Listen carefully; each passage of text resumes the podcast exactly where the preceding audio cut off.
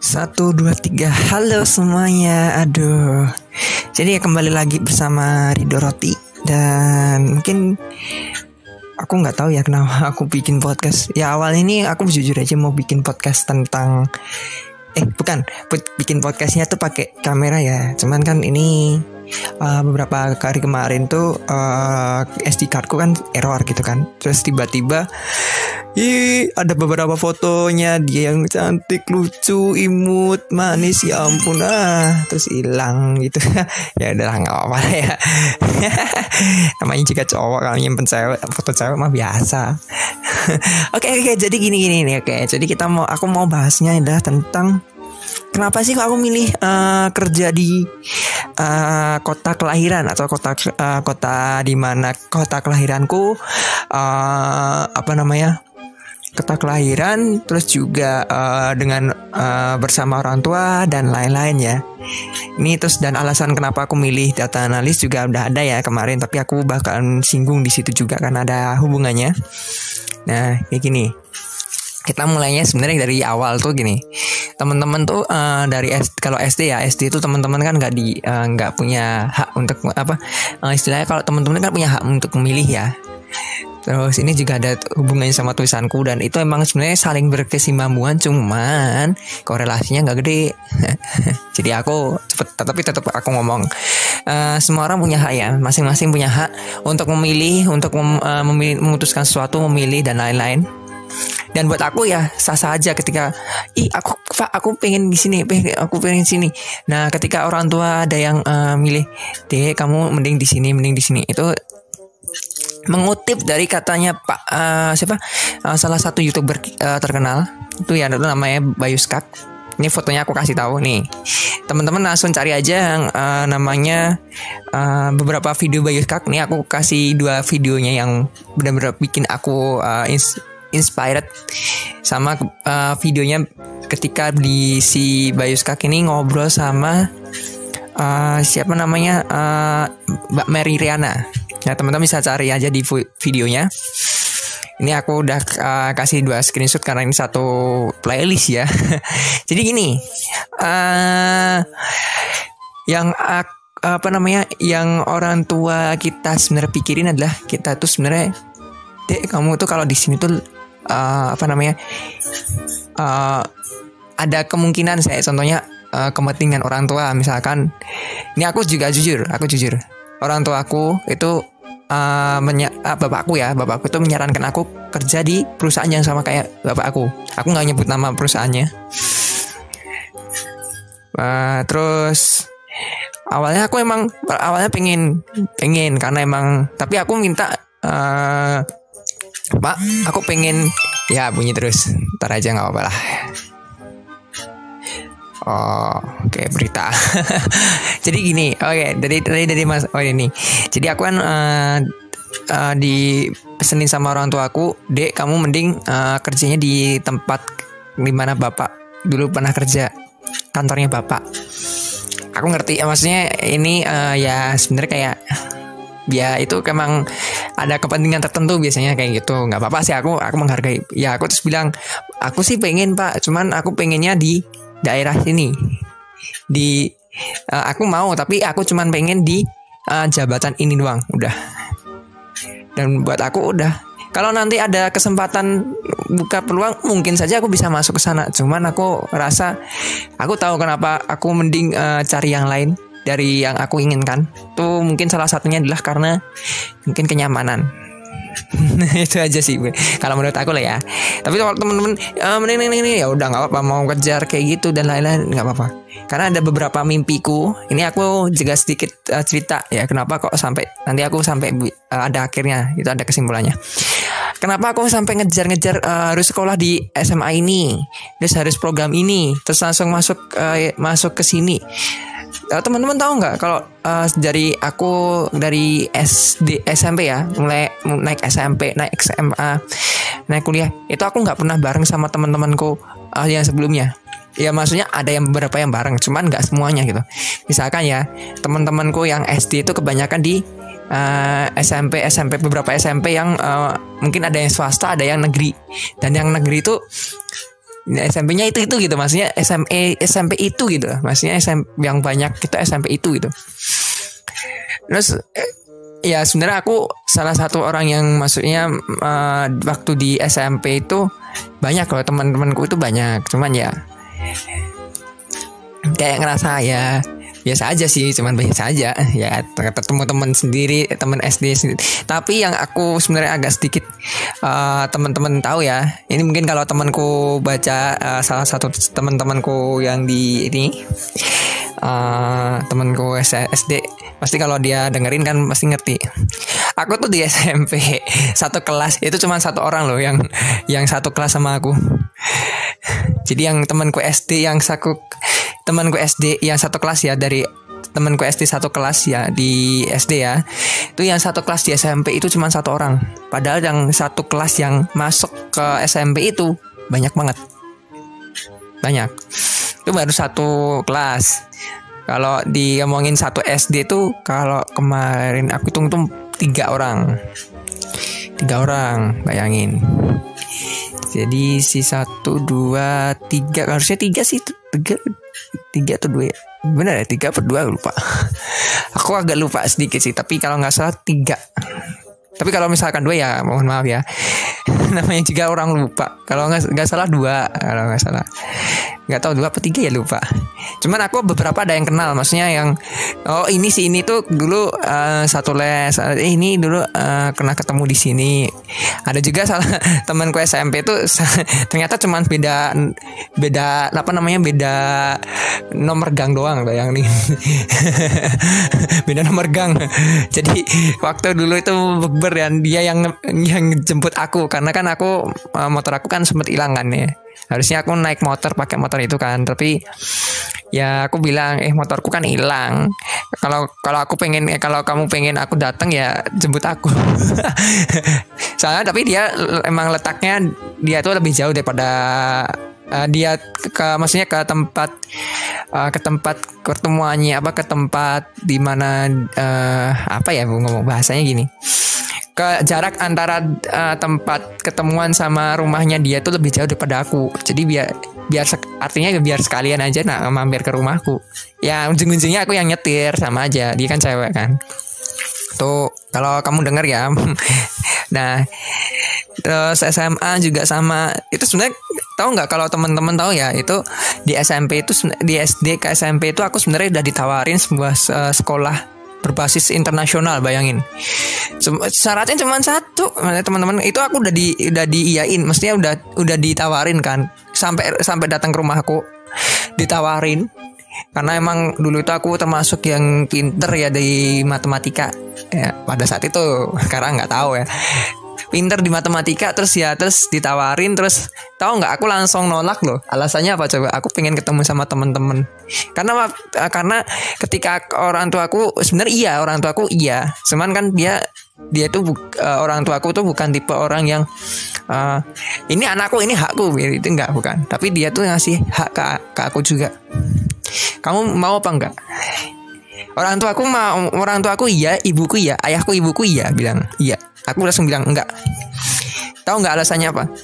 Ya itu kan tadi aku udah bilang karena aku pengen ketemu teman-teman. Dan tebusannya itu adalah tebusannya gini dia itu sekolahnya bagus.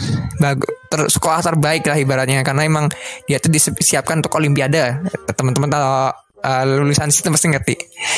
Tuh aku emang bener ditawarin teman-teman. Aku bener-bener ditawarin. Bayangin aku bener-bener ditawarin. Dan aku masih ada bukunya di uh, ayahku nyimpen bukunya. Buku tawarannya tuh ayahku nyimpen. Terus apa ya? Nah itu uh, kan dijelasin juga kan uh, di sana tuh bakal pakai bahasa Inggris terus uh, uh, bakalan ada gratis ke salah satu negara negara kerjasamanya dia. Dan uh, syarat yang paling berat adalah uh, mondok. Mondok jadi uh, kayak kayak di sana itu ada asramanya gitu. Nah, aku langsung tolak loh. Cuma alasannya aku pengen ketemu teman-teman tahu nggak teman-teman? Itu waktu di SMP itu aku aku per, aku mungkin ya mohon maaf ya teman-teman SMP tapi aku kurang nyaman. Aku aku maksudnya kurang nyamannya kenapa karena uh, kalau menurut aku ya level toksiknya itu agak sedikit lebih kelewatan. Dan itu untuk level remaja kayak gitu tuh menurut aku agak kelewatan. Agak kelewatan tapi ya aku paham. Sekarang aku juga masih paham. Oh ya orang maksudnya oh, setiap orang kan beda-beda. Mungkin ada yang toksiknya banget tapi dia tuh emang bener-bener uh, friendly sebenarnya. Kayak temenku uh, beberapa teman kantorku ada yang toksik cuman ya toksiknya dalam ngomongnya toksik cuman aku ngerti oh dia tuh sebenarnya akrab. Kalau ada temennya akrab cuman dia ibaratnya ngeliatnya yang jelek terus ya ngebully ibaratnya gitu. Ini kalau misalkan ada orang yang agak sedikit psikopat kasihan gitu iya serius itu serius. Tapi emang aku ngerti kok jadi aku paham kok. Karena emang dari kecil sampai besar tuh aku tetap di hidup di heterogen jadi aku paham banget oh orangnya kayak gini gini oh ya makanya aku ya friendly aku tuh caranya kayak gitu ya aku aku nggak aku open buat siapa pun tapi kalau misalkan ada orang yang benci sama aku ya itu hak dia gitu bukan hak saya. Aku nggak perlu benerin itu juga itu hak kalian berarti gitu. Terus tapi ada ada hal yang aku senengin kok dari temen SMP juga. Salah satunya emang uh, aku bisa kenal banyak temen di situ.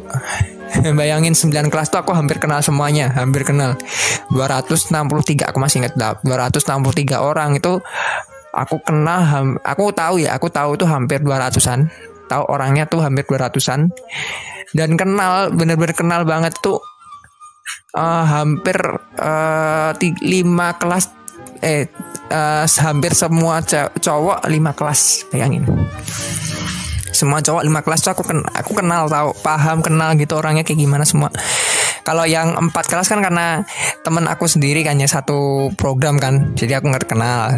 Tapi ada satu kelas lagi yang aku tuh jauh banget sama kelasnya itu, tapi aku kenal banget karena memang ada masalah masa-masa lalu lah ya. Kalau teman-teman ke SMP yang dengerin yang mesti ngerti dia. Tuh.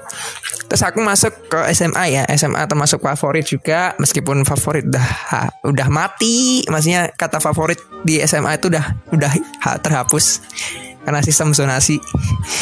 Nah di sini aku ngomong uh, misalkan gini, kenapa aku bilang aku jujur, jujur aja memilih program sini dan uh, apa namanya program ini dan SMA ini itu karena karena emang aku tuh uh, dari orang dari almarhum paman aku.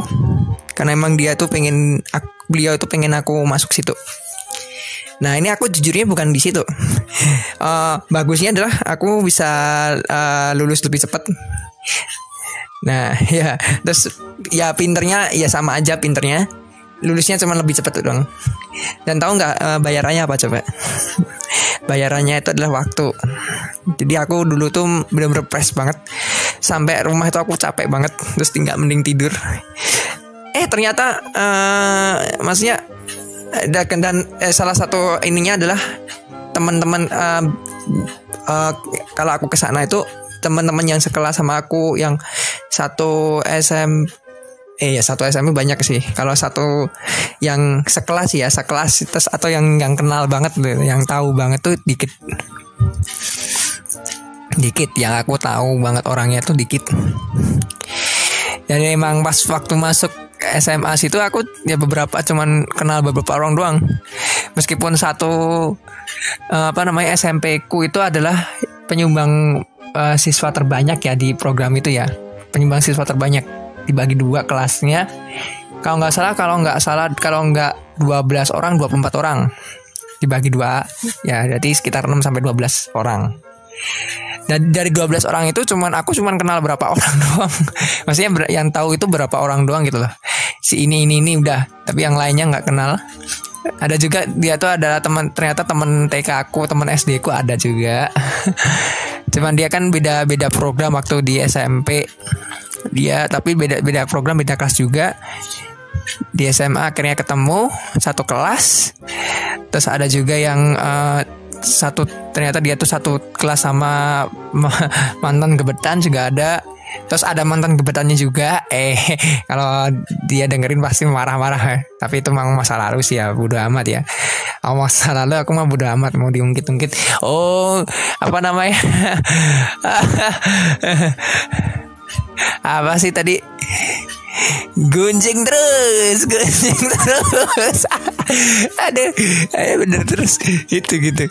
Tuh, ya saya ya aku tuh sempat kayak mikir kayaknya nggak bakalan seru sih teman-teman SMA. Eh ternyata semua seru banget pak. Teman-teman aku SMA aku ada yang bener-bener uh, istilahnya kalau uh, bahasa aku tuh koplak. Koplak itu uh, kalau bahasa Indonesianya itu seru tapi go gokil tapi lebih gokil lagi gitu apa ya? Ya itu kayak gitu. Karena kalau ada kalau di bahasa Jawa itu koplak itu hampir mirip sama kayak bego. Cuman beda begonya itu beda begonya tanda kutipnya beda ya. Kelakuannya bego. Itu koplak itu kayak gitu. Ya dan emang ya ternyata emang ah, teman SMA itu emang teman-teman yang asik gitu yang gak gue cari lah ibaratnya kayak gitu. Yang mana ya maksudnya uh, aku tuh sempat down tuh kayak wah ini kan orang-orangnya pintar-pintar semua. Terus ya uh, mereka ya fokusnya sama diri mereka sendiri. Eh ternyata enggak ya ada yang benar fokus sama temannya sendiri. Terus dan kayak orang tuh kayak ibarat gini. Ini kan hal pribadiku pinter-pinter buat aku sendiri. Tapi kalau buat temanku ya tetap teman. Asik. Kayak gitu. Dan emang kayak nggak kelihatan kayak mereka tuh pinter bodoh tuh nggak kelihatan pak. Karena emang itu buat mereka sendiri gitu Iya teman satu kelas ya. Wah asik. Ini kalau deng mereka dengerin Wah langsung ter langsung meleleh gitu. Tapi gila banget pintar-pintar loh pak. Ada yang masuk uh, jurusan Ibarat jurusan yang saingannya ketat Bayangin. Masuk jurusan yang saingan ketat Di universitas yang saingannya ketat Bayangin deh. Bayangin. Meskipun ya ada beberapa yang masuk uh, universitas swasta terbaik tapi ya menurut aku gila banget ada yang sampai masuk ke uh, apa namanya jurusan terketat universitas terketat. Gila banget itu nah, tuh gila banget itu menurut aku gila banget. Dan menurut aku itu udah level pinternya tuh udah kelewatan itu. Sekelas orang-orang kayak aku random-random gini tuh itu lewatan kelewatan sih. Kayak gitu. Terus lagi di SMA apa di kuliah juga sama uh, temen yang satu SMA itu dikit loh dan bahkan yang uh, meskipun 20 orang ya. Aku masih ingat 20 orang satu angkatan tuh cuman uh, beda-beda jurusan kan ya. Kalau di aku kan kemarin udah universitasnya kalau teman-teman pengen tanya eh pengen eh, tanya itu ada di belakang. Di podcast sebelumnya.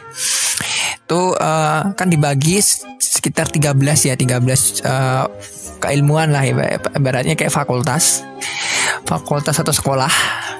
Dibagi 13 ya sekitar ya ada ada satu jus apa satu fakultas yang yang jumlah siswanya banyak. Apa maksudnya yang banyak orangnya. Karena kan itu prinsipal pigeon handle principle atau prinsip sarang merpati.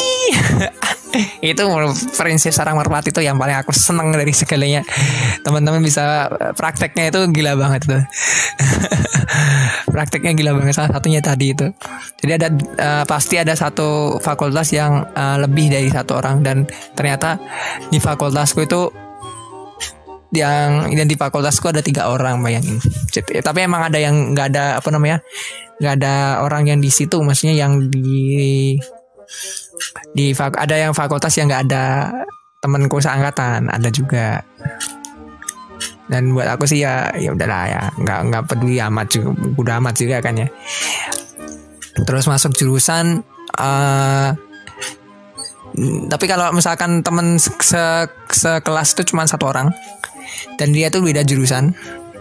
Beda beda beda beda beda beda fakultas beda so, beda jurusan juga. Udah nggak bisa ketemu bener-bener nggak bisa ketemu banget. Tapi ada juga satu temanku yang satu program juga satu jurusan juga cuman dia kayak nggak kenal sama aku. Eh kalau kamu dengerin. Tapi emang tapi emang bener ya mending kayak gitu nggak sok nggak kenal. Jadi aku ada cerita lucu nih cerita lucu waktu mau lulus kan ya mau lulus salah satu teman aku satu jurusan ya kan nanya sama aku kan. Itu apa namanya kan ada dulu tuh ada satu kejadian kalau nggak salah kan. Terus uh, habis itu kan uh, aku bilang eh itu itu yang kena musibah tuh kakaknya teman kita loh.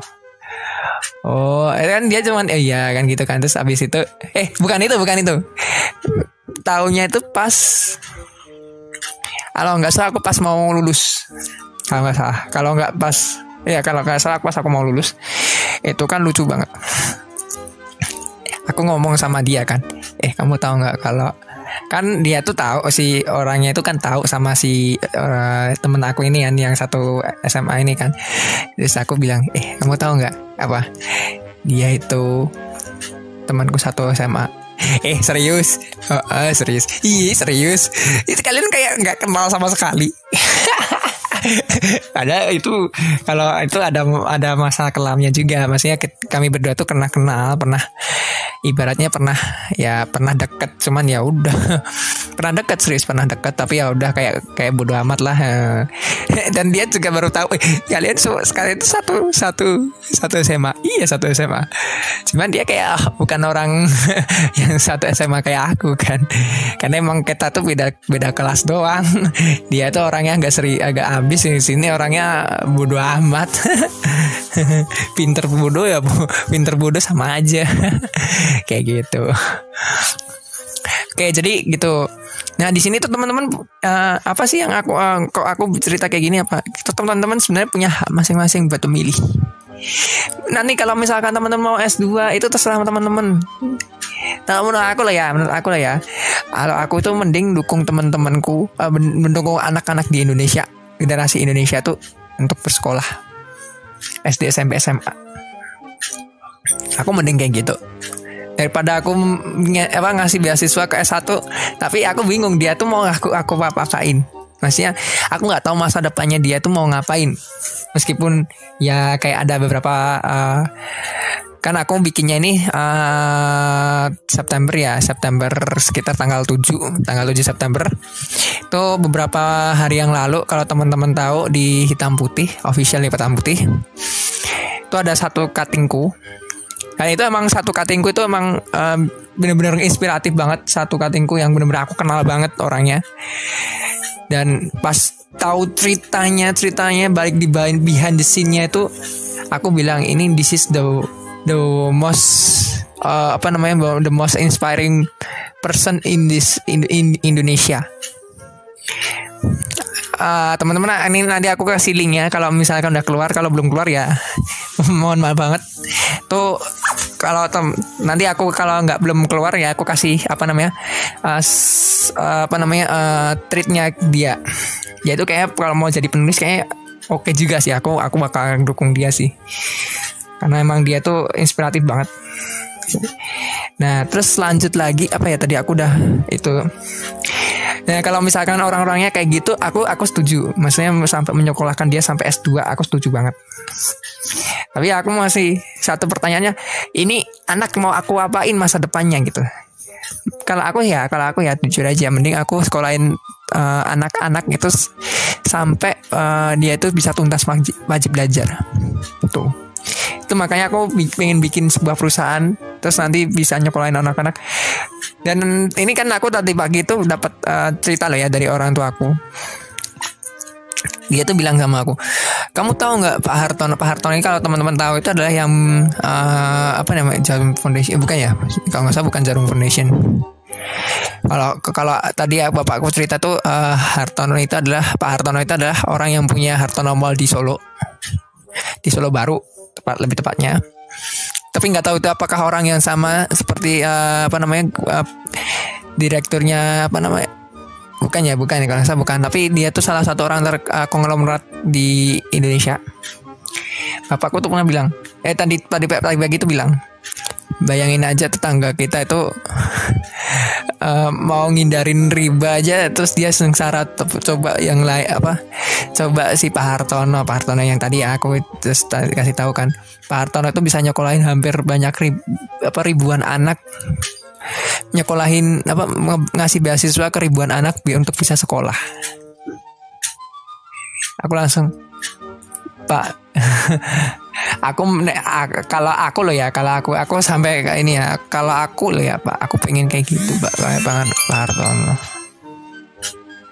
karena ya aku lebih seneng maksudnya ya aku bodo amat kayak gitu kan urusan aku sama Allah ya bukan bukan urusan bukan urusan temen-temen bukan urusan ini aku aku bodo amat kayak gitu tapi aku masalah sosial aku pengen banget punya itu pengen banget kayak gitu.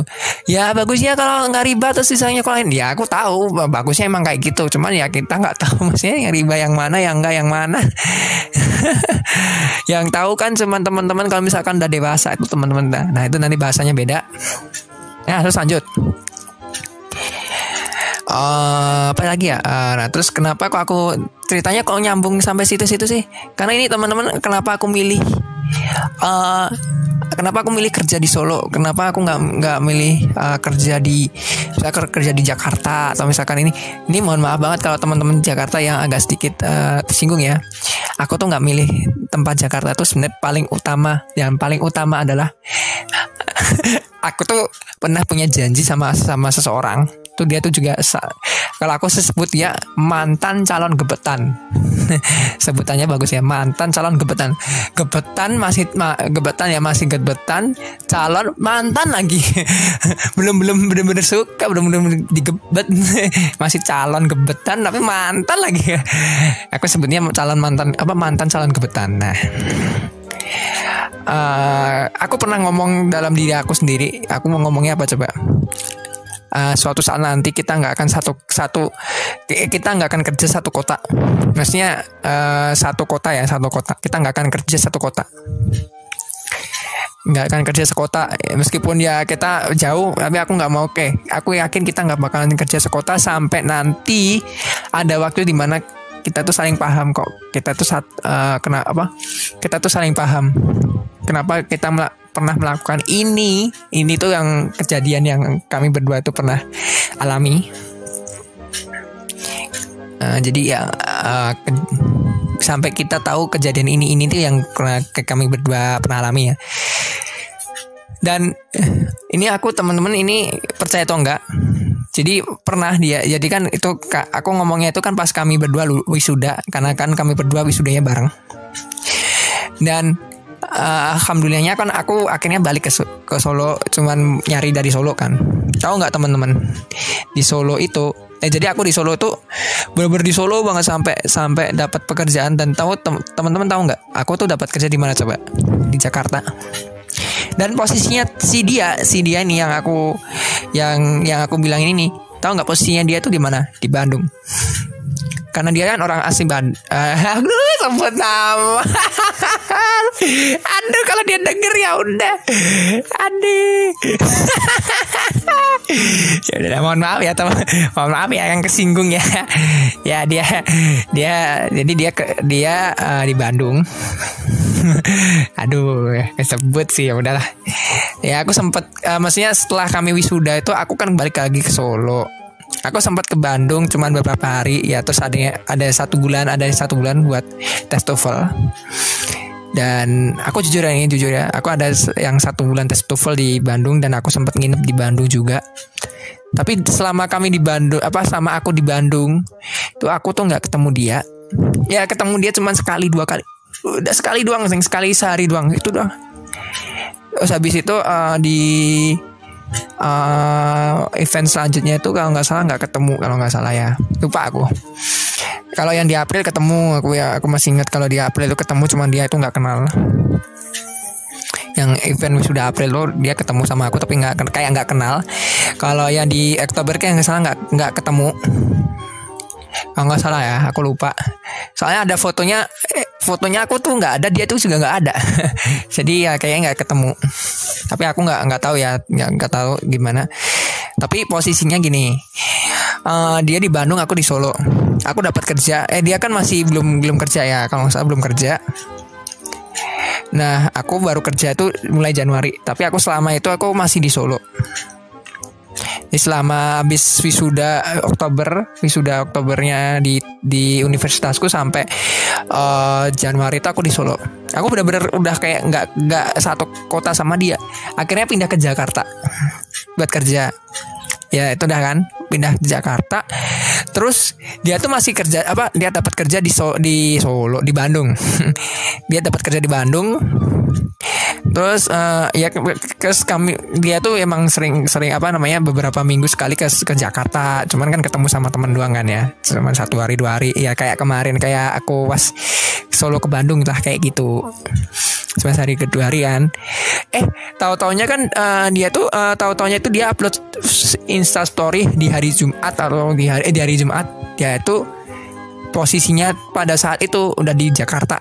Tepatnya tahu nggak di mana? Di Jakarta Selatan di di Kemang. Instastorynya dia. Dan tahu nggak aku tuh kerja kerjanya di mana coba? Di Fatmawati kalau teman-teman tahu.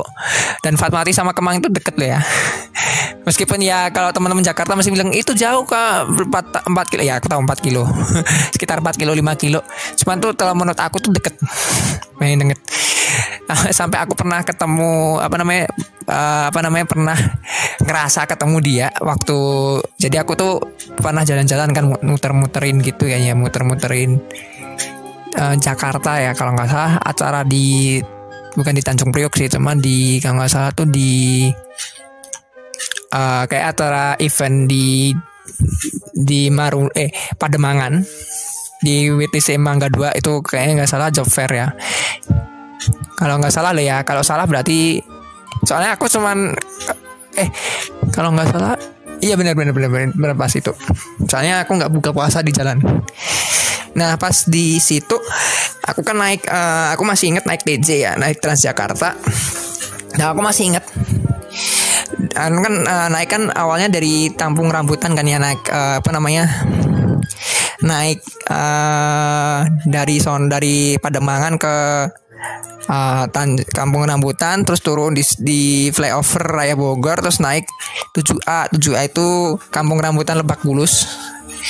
Nah sampai di uh, Ragunan ya sekitar daerah Ragunan tuh aku turun Terus aku sempet uh, buat sholat dulu kan. Habis sholat tuh aku naik uh, yang Dep Universitas Lebak Bulus ke Universitas Indonesia. Eh UI ke ke UI dari UI ke Lebak Bulus.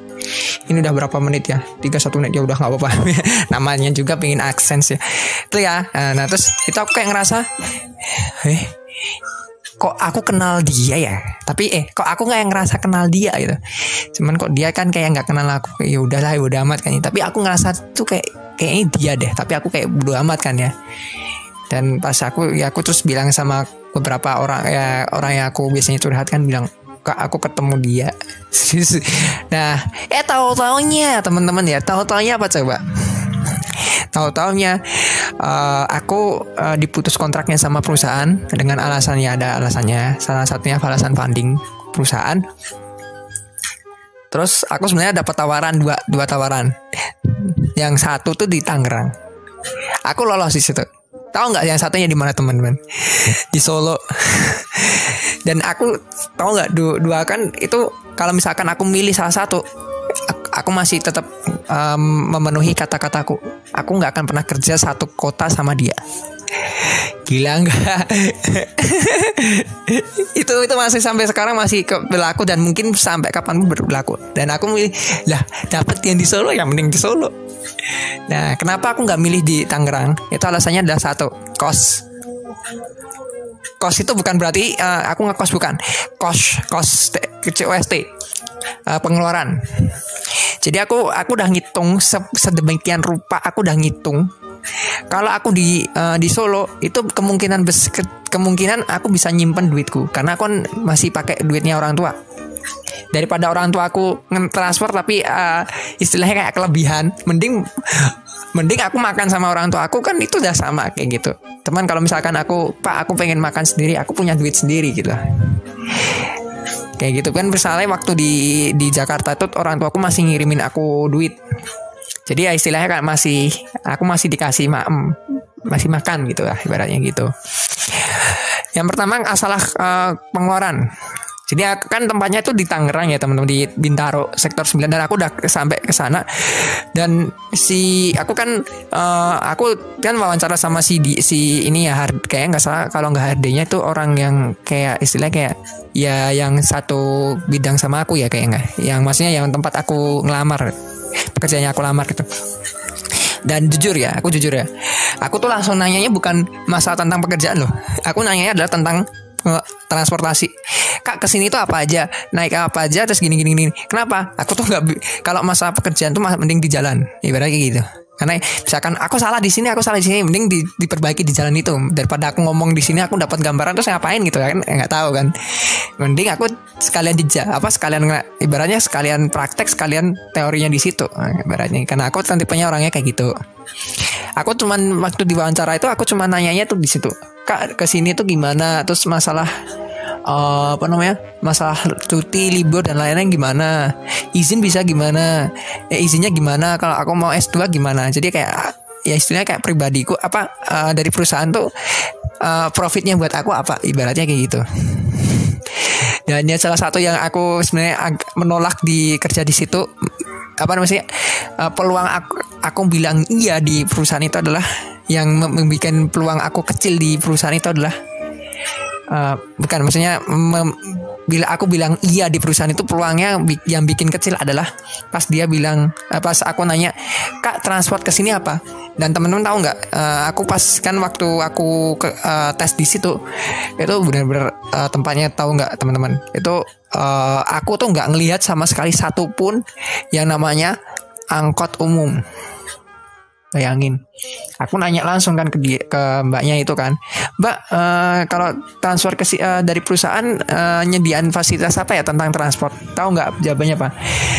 Eh, jadi nanti ada dua mobil perusahaan, dua mobil perusahaan yang nganterin eh, mas ma- mas dari stasiun Jurangmangu, eh Sudimara atau Junga Jurangmangu ya lupa kalau pokoknya kalau nggak salah sebelum salah satunya pokoknya sebelumnya sebelumnya. Kalau nggak Jurang Mangu Sa- Sundimara aku lupa. Nah tapi eh, eh, pemberangkatannya itu 8.15 sama 8.30 aku mikir orangnya segini. Ini yang pakai a- alat transportasi ini berapa orang? Ukurannya berapaan? Aku mikir di situ dan dia, dia- meskipun eh, mbaknya langsung optimis gitu ya nanti ada ada pulangnya juga. Tapi masalahnya itu dulu. Meskipun oke bisa. Ya aku bisa kosnya cuma tujuh ribu. Masanya kalau nggak bisa itu kosnya lebih 17.000 ribu minimal mungkin. Aku kalau soalnya waktu aku kemarin gojek eh nyebut perusahaan. Ya udah nggak kemarin aku ngegojek ya. Ngojol ngojol. Itu kena sepuluh ribu. Jadi kalau misalkan bol ma- berangkat doang itu udah kos 17 dua bolak balik 34 itu baru satu hari. Belum dikali. Eh mis ambil aja 20 hari. Kan kalau ya 20 20 hari kerja eh 22 hari kerja. 35 kali 22 itu 770 teman-teman. Eh 34 kali 22 ya. Ya sekitar 770 lah itu belum maksudnya kalau anggapannya dua- 22 hari kerja 70 770 itu masih baru transportasi belum yang lain-lain. Mak makan minimal aku waktu, di Jakarta tuh minimal aku paling bisa benar-benar paling irit itu sekitar 5 eh, 25 sampai 30 ribu. Itu paling irit. Aku cuman makan makan tiga kali bisa paling itu paling irit teman-teman. Itu paling irit bayang itu paling irit. Cuman kan kalau yang di sana itu kan fasilitas makan juga dikasih. Eh, fasilitas makan dikasih dan ya terus aku mikir-mikir aku berarti cuman makan pagi sama makan malam. Tuh ya ya 30 bisa lah ya 30 bisa. Cuman 30 kali 30 ya mungkin 30 kali 30 asumsikan 900 itu minimal. 900 sampai 770 satu setengah satu enam. 1,6 terus waktu itu kosanku 850 22 2,4 terus gajinya 5 juta. Oke sih nggak masalah gajinya 5 juta kan kan ah, itu belum kosnya ini belum belum belum kos yang lain ya. Maksudnya kayak barangnya kayak gimana nunya kayak gimana ya. aku langsung mikir sampai situ. Nah terus yang aku biasanya pakai itu adalah gaji bersih per UMR itu yang aku sering pakai. Tuh gaji bersih per UMR teman-teman kalau mau pakai silakan. Gaji bersih per UMR Kenapa? Kalau misalkan teman-teman lihatnya pakai angka, mending ya kerja di Tangerang. Serius nih. Kalau aku mending kerja di Solo. Kenapa? Karena kan maksudnya aku kan asli Solo juga kan ya. Terus kenapa aku pilih kerja di Solo? Karena aku pakai itu. Cost per M apa? Gaji bersih per UMR. Kalau UMR-nya di Solo itu 1,9. Aku dikasih gaji 2 juta, tapi uh, untuk tiga bulan percobaan, di terus setelah itu aku bakal dinaikin dua setengah juta aku aku oke oke aja. Cuman kalau misalkan selanjutnya nggak dikasih dua dua setengah juta aku cuman nanya bu dulu itu bu inget waktu wawancara nggak bu?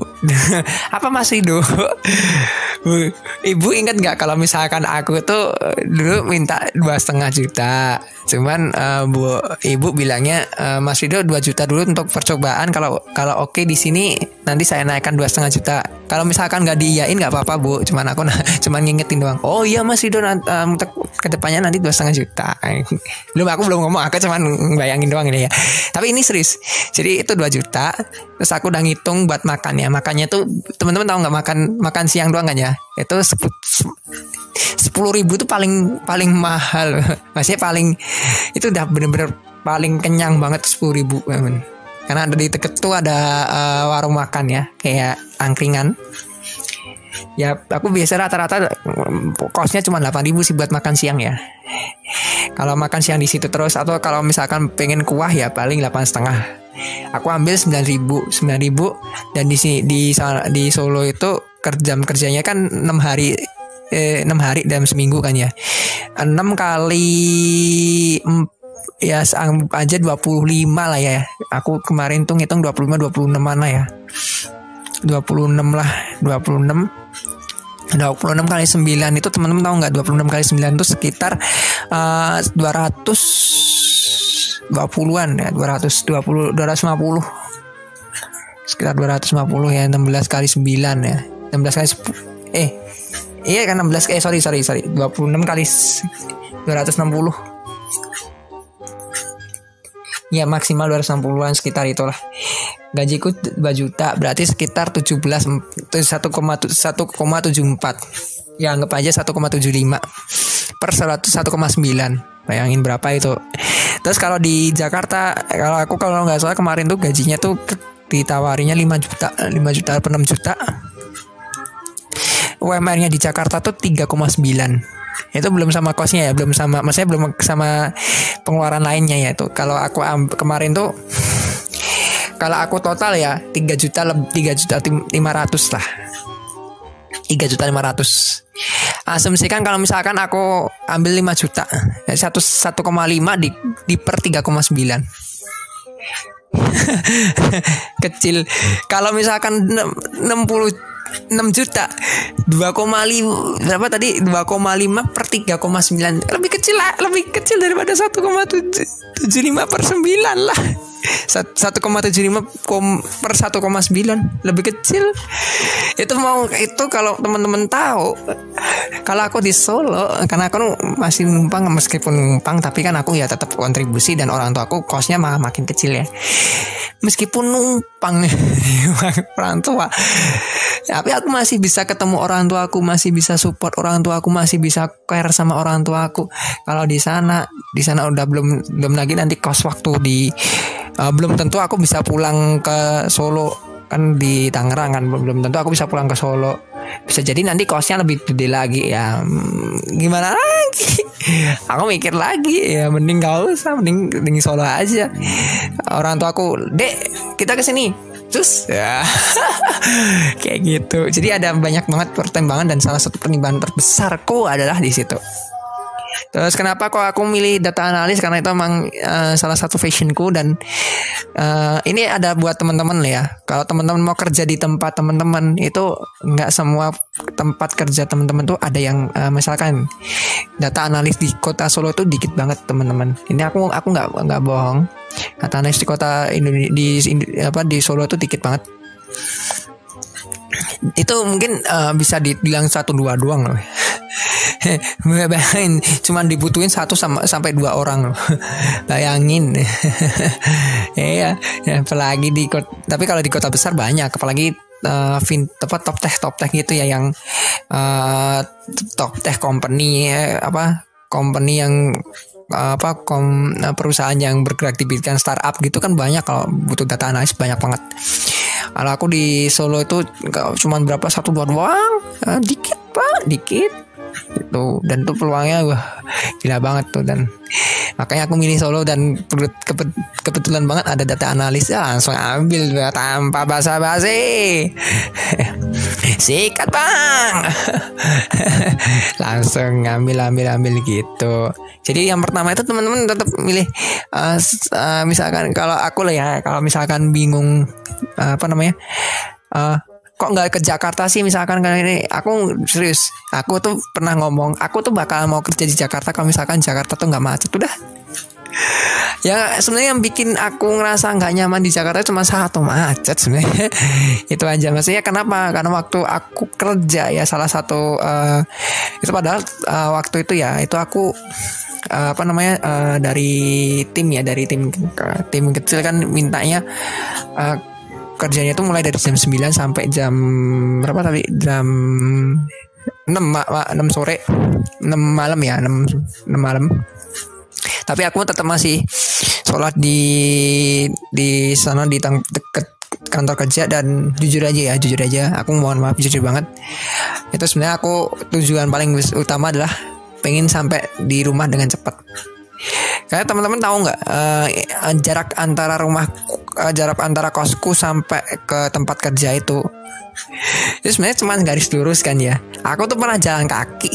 Ini aku aku jujur aja, pernah jalan kaki dari dari sana ya dari itu dari apa namanya dari apa dari tempat kantorku sampai ke sono itu 30 apa dari mag, uh, azan maghrib eh selesainya sholat maghrib sampai azan isya. Itu sekitar 40 menit loh. Kalau teman-teman tahu nggak kalau jalan kaki dari dari rumahku ke kantor kantor yang ini ya di Solo ya 40 menit itu lebih pak satu jam. Orang dari mana eh, dari uh, dua pertiganya perjalanan aja udah satu jam.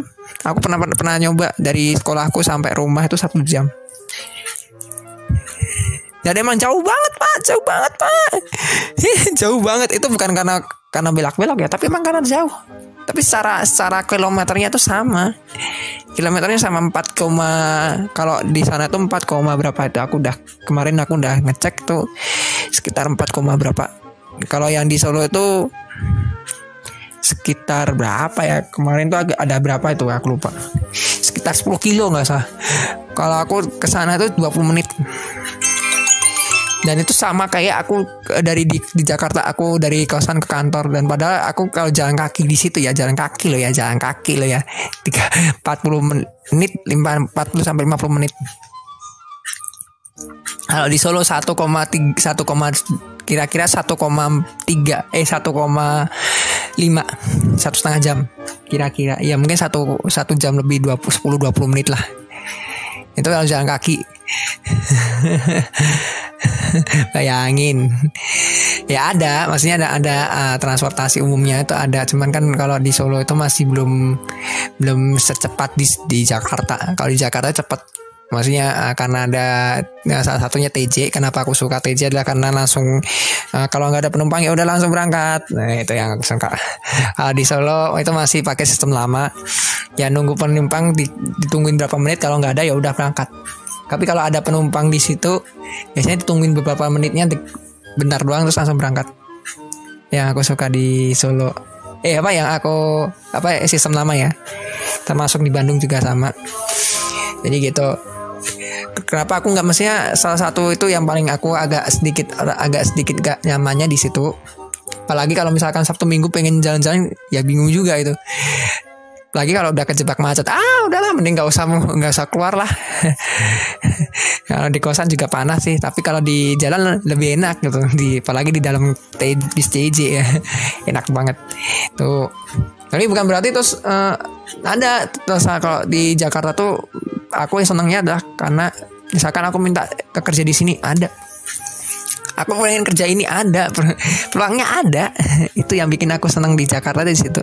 Terus teman-teman mau nyari misalkan uh, mau nyari tempat laptop juga laptop di Mangga Dua ada ada juga di mana di uh, mall-mall itu banyak. Maksudnya banyak mall-mall. Terus kalau aku mau beli ini di mana? Dia ada. Terus mau beli ini ada kayak yang ini. Jadi di sana itu emang kalau Jakarta tuh aku jujur aja kalau aku uh, patut apresiasi ada uh, di sana tuh banyak banget makanan yang lengkap minumannya lengkap dan aku kalau aku di Jakarta aku lebih mending makan makan di restoran dibandingkan makan di warung. Kalau di sini aku mending makan di warung bukan karena harga ya bukan karena harga tapi karena higienisnya. Kalau di sini aku mohon maaf banget di sini meskipun makanan warungnya maksudnya nggak ada jaminan buat higienis tapi aku ngelihat bang maksudnya ngelihat or, orangnya ini aja pasti ini orangnya higienis banget lihat aja waktu di dan dilihatin maksudnya dilihatin cara bikinnya tuh dilihatin terus ini mas dia anu gini gini makanya tahu maksudnya higienis kayak gimana. Kalau yang di Jakarta beberapa warung makan tuh ada yang nggak dilihatin pak. Ada yang bener-bener apalagi yang di apa namanya di belakang belakang ini kan kadang ada yang kayak kayak maksudnya ibaratnya dia itu masak oke masak tapi enggak ada juga sih yang masak ya. Maksudnya ada ada yang nggak masak tapi kayak kok aku datang ke sini tuh nggak pernah ada yang lewat. Maksudnya ada yang lewat buat nambahin uh, ininya tuh nggak ada. Kalau di Solo tuh ada pak ada. Misalkan mas ini kosong. Misalkan di Prasmanan kosong. Itu langsung lewat. Jadi aku setiap kali datang tuh uh, ada yang lewat. Gitu. maksudnya ada yang ada yang nambahin stoknya. Dan yang paling aku suka adalah uh, kalau di Solo tuh uh, kalau prasmanan tuh nggak 24 jam. Itu yang paling aku suka. Karena kalau makanan kayak gitu jangan 24 jam. Aku pernah di salah satu warung di Jakarta ya. Ini aku nggak sebut namanya. Itu aku pernah pesan sayurnya ya. Sayurnya itu rasanya itu udah kayak sayur ini sayur tadi pagi ya gak sah tadi pagi banget itu misalkan sayurnya dimasak jam 5 aku baru makan jam 9 malam berarti kayak gitu. Sangat bener-bener nggak nggak enak banget. Ini kayak kayak uh, udah udah kemasukan kayak kemasukan apa gitu berarti kayak gitu. Bener-bener ya kalau bisa dibilang basi mungkin bisa bilang kan. Cuman ya kayak nggak enak banget deh. Itu makanya kayak aduh aku kayak aku malah mau makan di sini lagi bingung banget mau makan sayur atau enggak. Jadi kayak gitu. Kalau di di Solo itu kayak ngerasa wah kalau makan sayur ya orang diliatin langsung kok ada ininya bapaknya di depan itu tinggal masak kayak gimana tahu lah. Oh kayak gitu. Jadi ngerti ya siapa enggaknya ngerti.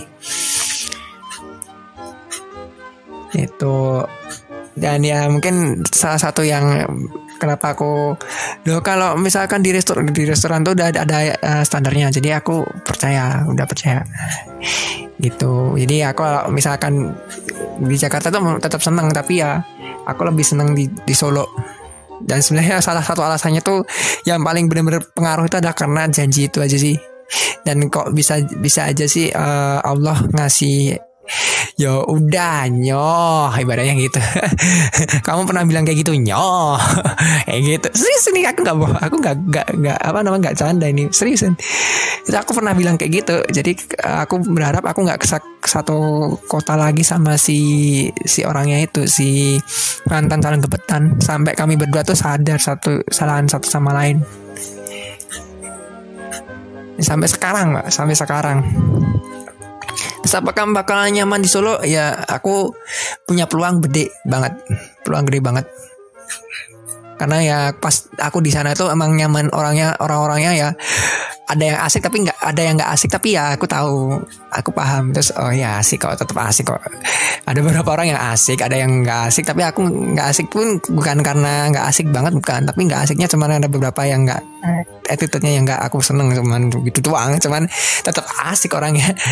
Kayak gitu. Dan buat aku ya seneng seneng aja kalau misalkan aku kayak kayak tadi aku eh aku tadi belum bilang ya kayak misalkan aku makan sesuatu misalkan aku aku nggak suka bagian ini gitu. Ya udah aku aku singkirin bagian itu yang sisanya aku makan. Kayak gitu. Itu sama jadi aku misalkan ada orang misalkan aku nggak suka attitude dia yang X gitu misalkan. Ya aku nggak nggak apa aku nggak suka yang attitude X-nya itu doang. Tapi aku tetap seneng sama orangnya itu maksudnya tetap seneng. Dalam artian tetap mau friendly sama orang itu. Karena itu emang misalkan itu kalau itu kayak tem, dulu itu di di kuliahku ada yang orangnya itu ngegas terus. Tapi aku ngerti karena emang dia tuh dikit-dikit ngegas jadi aku ngerti paham. Oh ya udah emang kayak gitu orangnya kayak gitu. Mau di di gojek apa di bercandain kayak gimana pun dia orangnya ngegas. Jadi itu emang kayak ciri khasnya dia. Kalau ciri khas mah aku nggak bakalan protes gitu makanya aku bilang peluangnya gede eh, salah satunya mungkin kalau orang tua aku udah nggak ada semua misalkan ya andaikan ya. Itu pun aku tetap bakal nyaman aja sih. Karena kasih ada kakakku juga. Ya benar-benar ke, ke, uh, besar banget tapi kalau misalkan dia kerja di Solo gimana dok? Ya udah, pasti ya. Aku kalau misalkan uh, dia kerja di Solo, aku kerja di Solo, berarti kami berdua udah saling saling saling menyadari kesalahan kami masing-masing. Udah bilang itu aja.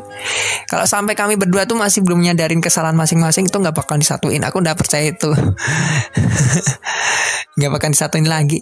Ya, gila banget ya. Aku masih sampai nggak sampai sekarang tuh nggak percaya. Alasan kenapa aku nggak kerja di Jakarta itu cuma karena itu. Karena perkataan perkataanku yang kemarin yang pernah aku katain itu sama dia. Dan sampai sekarang itu terjadi kejadian terus.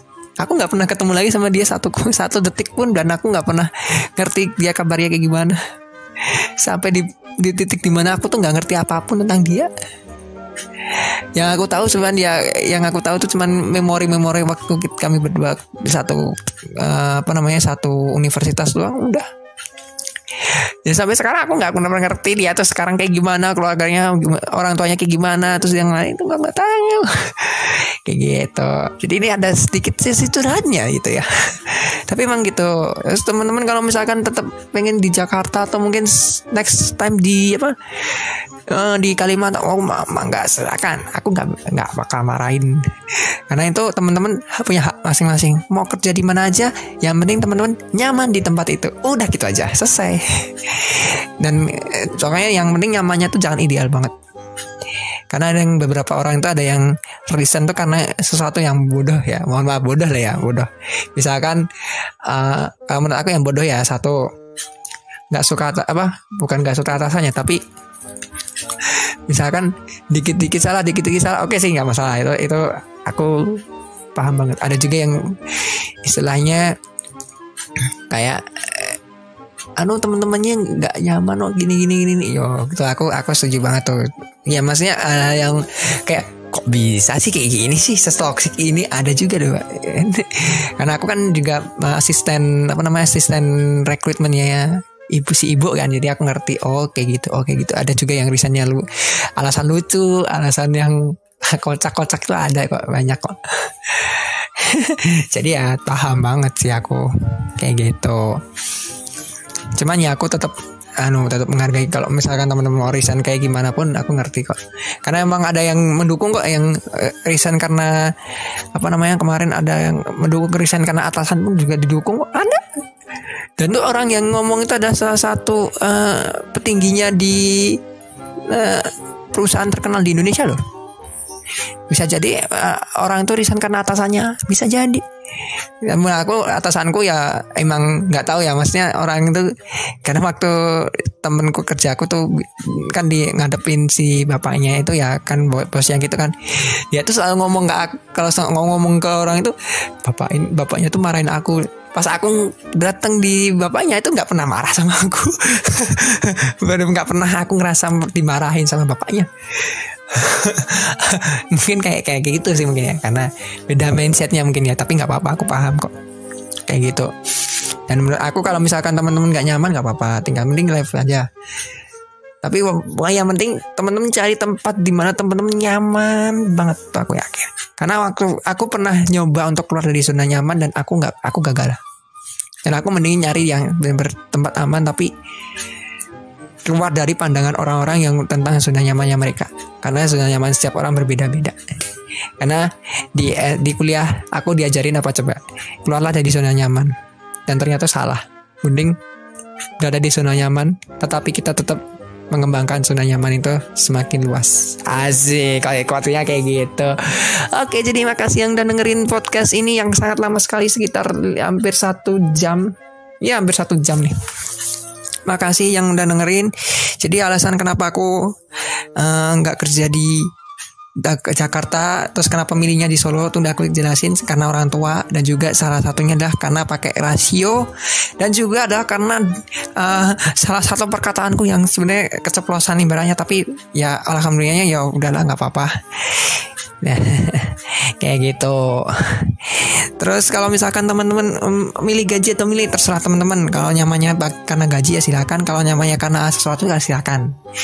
Itu karena teman-teman punya hak sendiri. Teman-teman udah dewasa dan teman-teman bisa ngelakuin itu terserah buat teman-teman sendiri. Yang penting nyaman buat teman-teman dan jangan sampai bila dengerin orang-orang yang bilang uh, keluarlah dari zona nyaman karena keluar dari zona nyaman tuh uh, definisinya banyak kayak gitu. Jadi makasih yang udah dengerin. Jangan lupa like share dan subscribe. Nah, aku Rido dari Roti. dan ikutin terus video-video aku dan salam roti semuanya. Bye.